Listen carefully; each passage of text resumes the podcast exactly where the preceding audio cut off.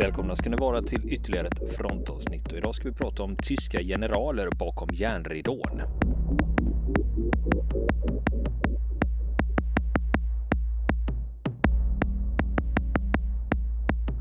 Ja du Niklas, ska vi se om vi kan komma tillbaka till andra världskriget och eh, gå vidare i historien. Ja, just det. Vi har ju som många andra varit helt uppslukade av det som händer just nu. Att eh, vi får väl kanske bjuda lite omväxling på det ändå. Gå tillbaka till där vi började för, för eh, strax före invasionen av Ukraina när vi gjorde en liten djupdykning ner i andra världskriget. Och vår överste Wilhelm Adam i tyska sjätte armén som då var på väg mot Stalingrad. Från, eh, från just uh, Ukraina-området och Charkiv och så vidare. Mm. Så att eh, det är ju där vi är ungefär. Är det, är det ju. Och uh, vi pratade ju om uh, senast om den, den tyska sommaroffensiven 1942 som startade på den södra delen av östfronten och för att då nå Volga och även Kaukasus och oljekällorna i Kaukasus eh, området. Så det, det, var väl ungefär där i korthet man kan säga eh, som, vi, som vi hade uppehållit oss då eh, innan vi blev avbrutna. Mm. Eh, För jag tänker just eh, när vi pratar om Operation Barbarossa, det fanns ju några mål som man ville uppnå med det. Ja, just det. Just det. Och det var ju bland annat oljefälten i Kaukasus och Moskva. Och sen var det ju Stalingrad. Ja, precis. Det var allmänna riktningar. Mm. Stalingrad var väl inte första prio Nej. I, i, initialt. Nej, det var det ju inte. Det var det ju inte i det första, första läget så att säga. Då var det ju mer Ukraina som var in, i den södra riktningen då. Ehm, utan, utan sen när Barbarossa är avslutat i princip då i början av 1942 så börjar man tänka då eh, organisera, planera den här nya operationen då som, som heter Fallblå. Som var då den, den här sommaroffensiven då som skulle, skulle krossa Röda armén eh, i söder då. Och eh, när, de här trupp, när den här offensiven hade kommit igång då som vi, som vi började berätta om och, och, och liksom trängde längre och längre ut på de ukrainska slätterna och steppen i söder så ja, där finns ju inte så mycket naturliga hinder i det här området för den som, eh, den som eh, vill försvara sig mot en inkräktare. Utan ett av de sista, ja det sista hindret ska vi säga, eh, stora hindret eh, på vägen till Volga, det är ju floden Don som rinner ute på steppen då i nord-sydlig riktning öster om Dnepr i Ukraina. Och Don då, den rinner ut i Azovska havet i, i, som en del av Svarta havet då. Och där bortom Don, där ligger ju det stora Volga. Då. Det var dit, det, det som var själva målet. Och just i den sjätte arméns väg så gör Don en sväng österut, en stor båge då. Eh, och som tyskarna kallade för Donbågen då. För det var liksom, den var så, så pass stor den här, den här eh, kan man säga omvägen som floden gjorde på sin väg mot havet då. Att eh, där i, i den här eh, utbuktningen som floden skapade mot öster, där fick hela sjätte armén plats. Då, den var ju närmare eh, den var ju flera hundratusen man med eh, all krigsmateriel och så vidare. Och det smalaste stället då mellan Don och Volga, det är då mitt i den här Donbågen då. Ehm, för, eh, och där, därifrån så är det inte alls långt från till Volga och till Stalingrad.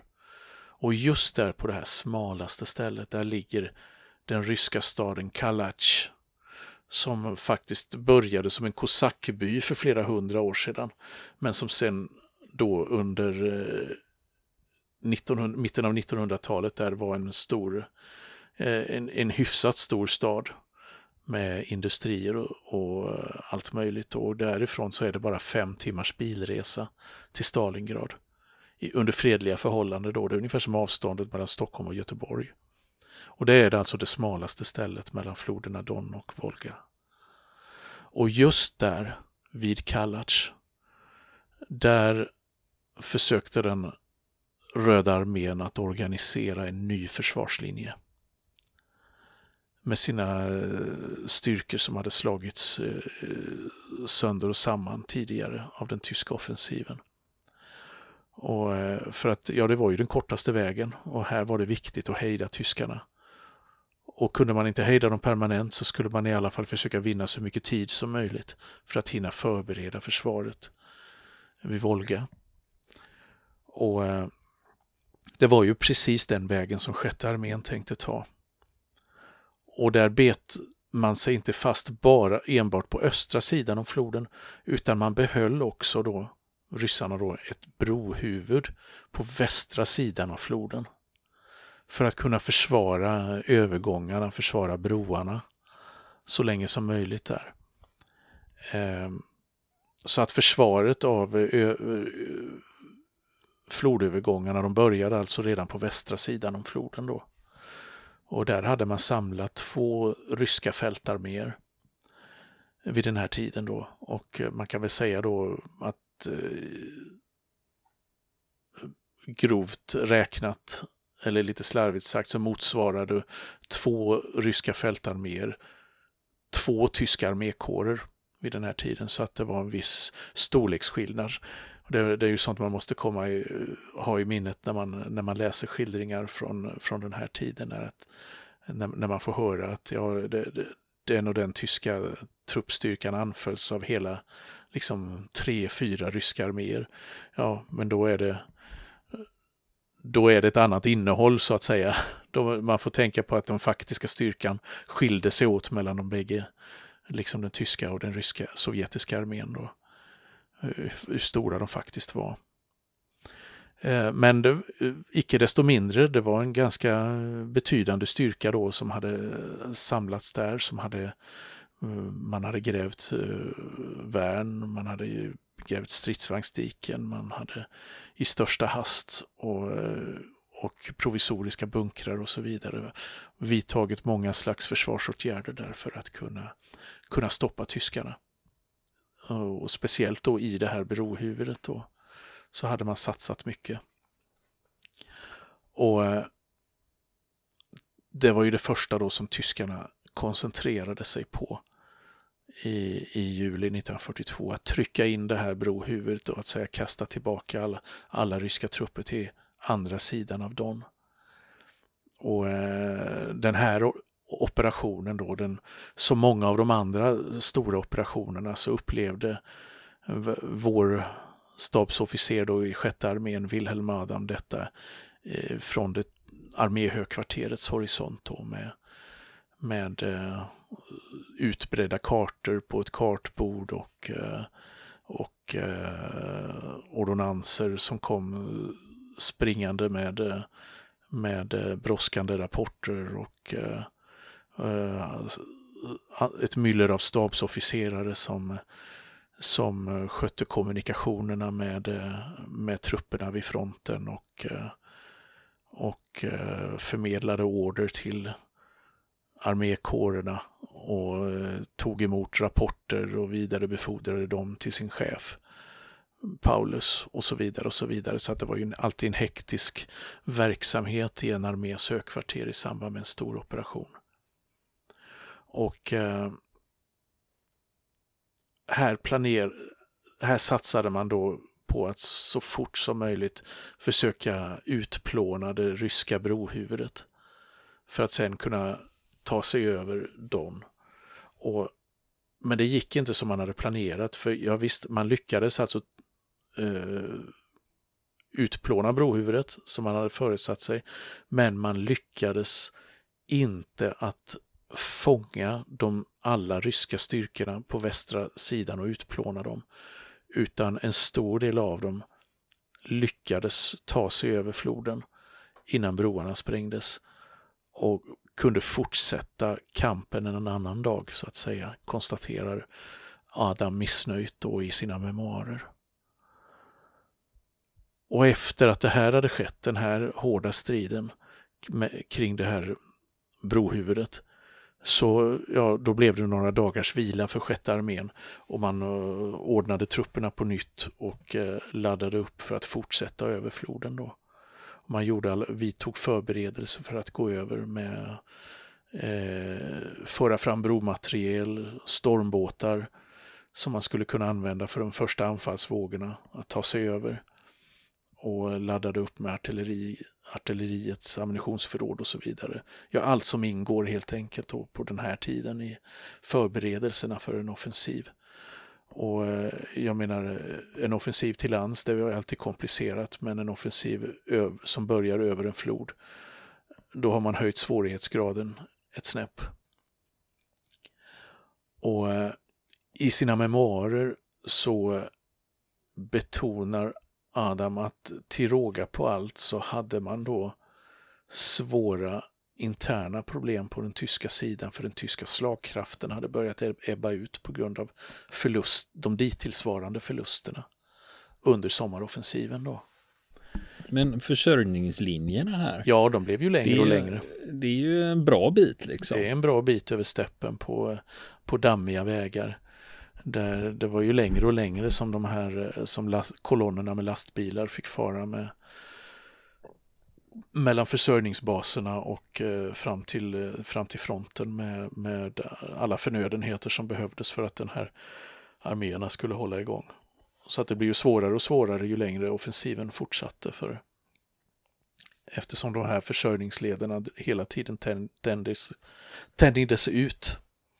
Och dessutom då så, eh, så hade, eh, hade de tyska trupperna nötts ner till alarmerande nivåer menar Adam då vid, det här, vid den här tidpunkten. Alltså att det var, det var direkt oroande. Man hade många kompanier som bara bestod av 60 man, alltså de hade, de hade ungefär halva styrkan kvar. Ehm, och så såg det ut på, på många håll i de tyska frontförbanden då. ehm, I sjätte armén vid den här tiden då. Och eh, man behövde akut få tillförsel av eh, nytt manskap, fylla luckorna, fräscha divisioner som inte hade varit insatta i striderna, som kunde, som kunde så att säga ta upp stafettpinnen och fortsätta pressa på eh, mot, eh, mot eh, eh ryssarna. Men det var bara ett par detaljer som var problemet. Det fanns inga inget ersättningsmanskap och det fanns inga färska divisioner, fanns inga reserver som högsta ledningen kunde skicka för att, för att eh, hålla uppe så att säga momentum i offensiven. Och Adaman skildrar då flera gånger flera besök som han gör på Paulus uppdrag i Hitlers högkvarter eh, i Vinnitsa i nuvarande Ukraina. Eh, där, där, där Hitler tillfälligt hade sitt högkvarter under, eh, under några månader 1942. Eh, hur, hur han flyger dit med kurirplan. Men eh, han träffar ju inte Hitler personligen, han kommer inte så långt in då i den tyska makthierarkin utan han, eh, han rör sig i de här Eh, Eh, i den tyska generalstabens avdelningar som håller till då i, i Führerhögkvarteret och träffar en massa avdelningschefer där som han försöker eh, liksom, eh, där han försöker få eh, ja, tillfredsställande besked för sjätte arméns räkning. Då kan vi få några nya soldater, kan vi få förstärkningar. Han är där för att prata med höjdarna då, arméns personalavdelning exempelvis och och, eh, och eh, den tyska generalstabens organisationsavdelning. Det är två av de avdelningar som man besöker och som liksom handlar frågor då om, eh, om hur man skulle täcka förlusterna. Eh, vad finns det för divisioner att tillgå och så vidare. Kan vi plocka något från någon annan krigsskådeplats och skicka till, till östfronten. Eh, mycket sånt. Och det var alltid samma nedslående besked som han fick då när han hade redogjort för, för hur eh, eländig situationen var redan sommaren 1942 då i, i sjätte armén då med liksom eh, stor manskapsbrist så får han gång på gång samma nedslående besked då att det, det, det finns inget. Ni, ni, kan inte få någonting. Det, ni får hålla till godo med det ni har och lösa uppgifterna, uppdraget med det. Och eh, det fanns inget att få helt enkelt och de nyinryktade kryterna i Tyskland, de skulle inte vara färdigutbildade förrän i december var återigen beskedet. Så att eh, där fanns ingenting att vänta. Och när Adam återvände till sjätte arméns stab för att, att rapportera detta så, märk, så, så märker han ju då tydligt att eh, Paulus eh, är väldigt nervös och besviken. Då. Och han, han berättar till dem att han kunde se hur det började rycka nervöst i, i Paulus ansikte på ett okontrollerat sätt när, när, han, eh, när han fick höra detta. Och stabschefen för sjätte armén då, eh, Arthur Smith som var en, eh, en, som vi har berört lite grann tidigare då, som var en fanatisk nazist och en allmänt otrevlig prick i sammanhanget och har svårt att samarbeta med andra. Han fick ett raseriutbrott och skällde som en bandhund om högsta ledningens inkompetens då, eh, berättar Adam. Och, men sen så lugnar han ner sig då och säger att ja visst så kommer den tyska armén klara av att eröv, gå över Don och att erövra Stalingrad med de resurser man hade till sitt förfogande då. Men, eh, men eh, det var ju inte ett optimalt läge. Liksom han försöker, försökte hela tiden hålla humöret uppe, den här stabschefen. Och, eh, och liksom försöka tro på allt, alla de besked och sådant som kom från Führerhögkvarteret. Att jajamän, ja, visst ska vi klara det här och så vidare och så vidare. Även om det såg väldigt mörkt ut och, och, eh, och besvärligt så att säga. Och då om man går tillbaka till den här då planerade övergången av Don då, så där skickar Paulus fram en armékår som ska gå i spetsen då, som är 51 armékåren som hade två färska infanteridivisioner kvar. De ska gå i spetsen. Det var, de en, det var två divisioner som inte hade lidit så stora förluster dittills under offensiven då och de ska skeppas över efter artilleribeskjutning av eh, de ryska försvarslinjerna då på andra sidan floden så ska de här skeppas över med hjälp av stormbåtar och gummibåtar. Eh, en landstigningsoperation i praktiken då. Och, och, efter det, efter att de hade tagit mark eh, och brutit igenom de första eh, ryska försvarsställningarna så skulle man börja färja över ytterligare förband, artilleripjäser och även stridsvagnar med, eh, med improviserade färjor på floden då för att kunna sätta igång, eh, sätta igång och fortsätta offensiven då på andra sidan floden. Eh, innan, eh, innan ingenjörstrupperna hade hunnit börja bygga pontonbroar. För sen då de pontonbroarna som skulle byggas då av, eh, av eh, sjätte arméns ingenjörstrupper. På dem skulle sen då en pansarkårs, den fjortonde pansarkårens stridsvagnar rulla över och sen sätta högsta fart mot Stalingrad. Och eh, den kåren den leddes av en ohyggligt kompetent pansargeneral som hette von Wietersheim. Och det var en av Heinz Guderians mest pålitliga generaler. Och eh, under dagarna före det här anfallet så liknade sjätte arméns högkvarter en bikupa, skriver Adam då. Ja, det var som sa, ordonnansofficerare som kom och gick. Det var rapporter som skulle granskas och bedömas. Och kårchefer, alltså de generaler som ledde armékårerna, eh, de eh, dök upp i högkvarteret för att ha personliga rådslag med Paulus och hans stabschef. Eh, spaningsflygares rapporter kom om deras iakttagelser från spaningsturerna över de ryska ställningarna och det var konferenser på löpande band. Och sen så blev det ganska lugnt strax före offensiven. Det var liksom lugnet före stormen.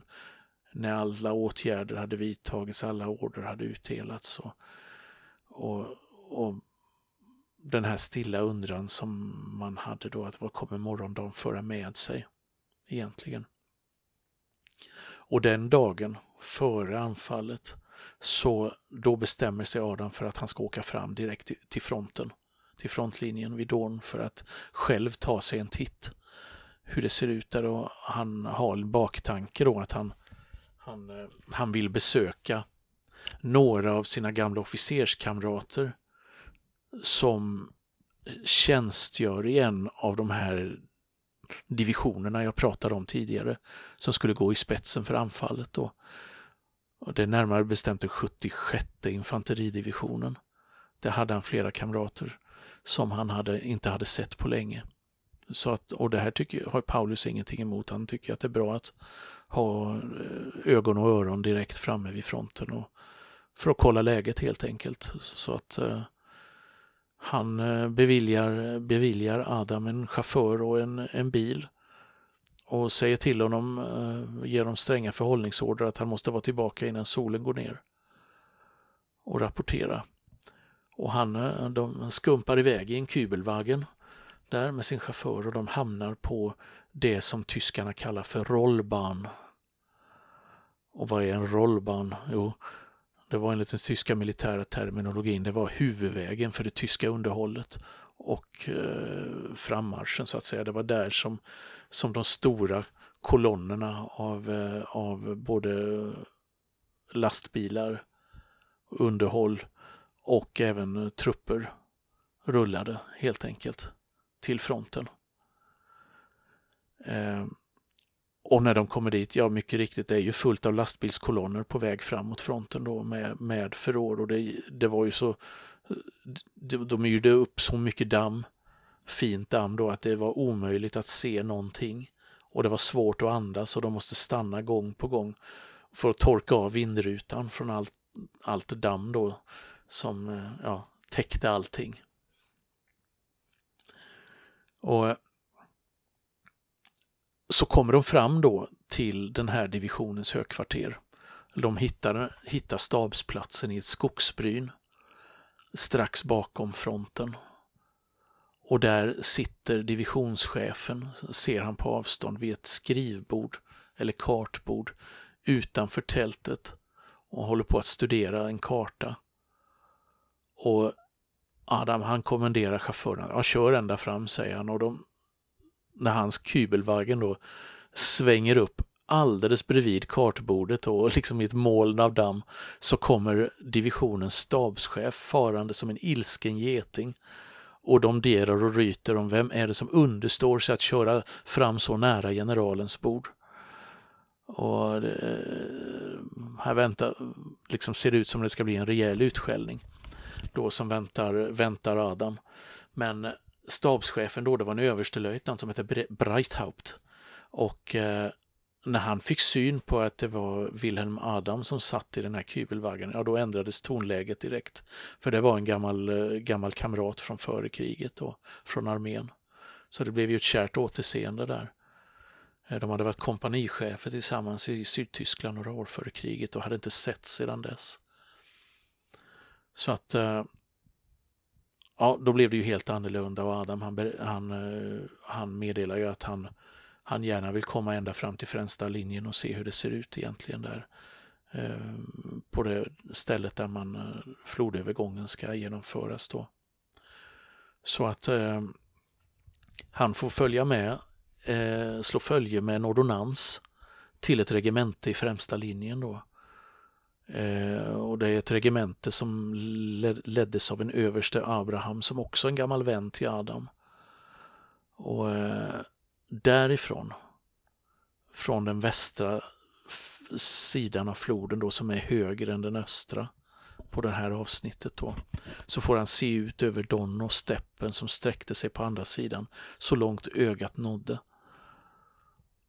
Och tyskarna hade ju som jag sa då, de hade ju fördelen av att deras flodbank den låg mycket högre än fienden så de kunde titta rakt ner i de ryska ställningarna.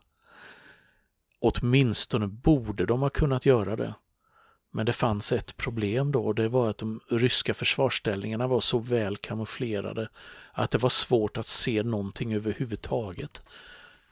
Eh, det gick inte ens upptäcka en rörelse på andra sidan. Eh,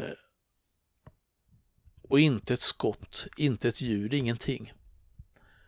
Eh, och även nattetid så höll sig de ryska trupperna väldigt stilla för att inte avslöja exakt var de befann sig, fick han höra.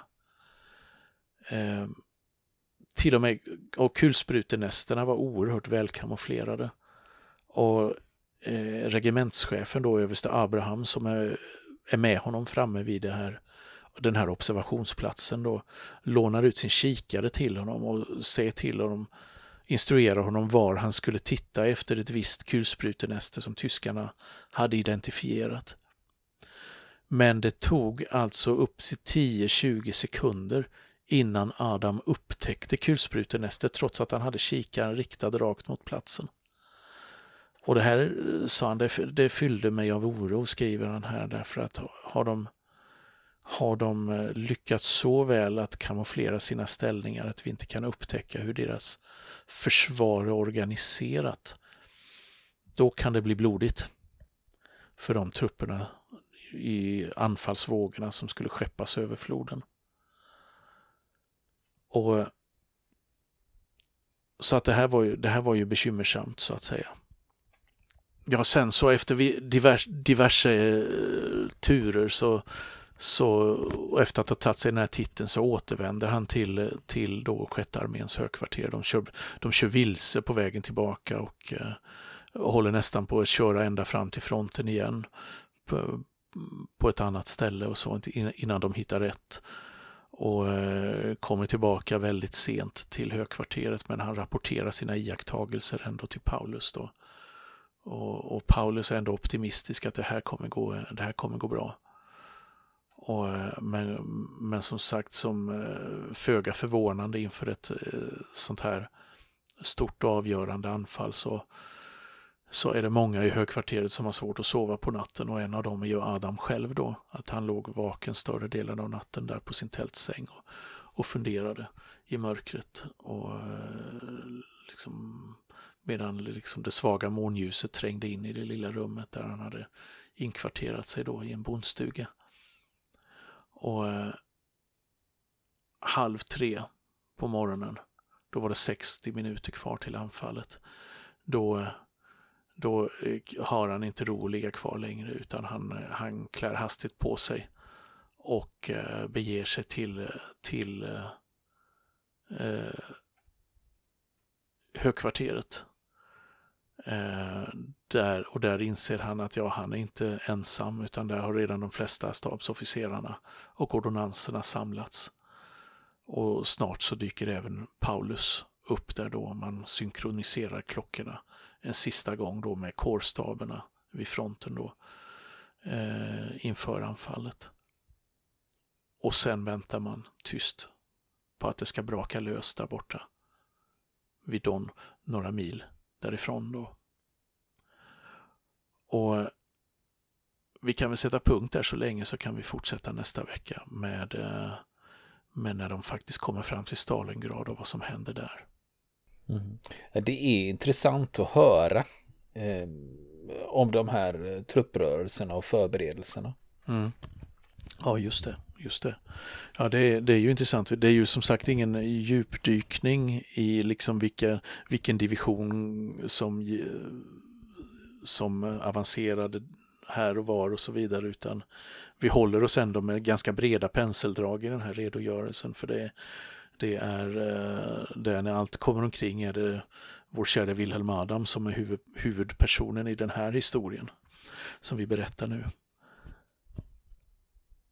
Och det kommer att hetta till framöver. Ja, det vet jag att det gör. Ja, ja. Ja. det är bra. Ja, det behöver man inte vara, behöver man inte vara Sherlock Holmes för att räkna ut. Nej. Nej, men du, eh, vi säger väl så, så fortsätter vi det här nästa vecka då. Vill ni komma i kontakt med oss så kan ni göra det via vår Facebook-sida som heter Fronten. Det är inga problem för er att leta er fram där. Eller också så mejlar ni på vår mejladress och det är frontenpodcast@gmail.com.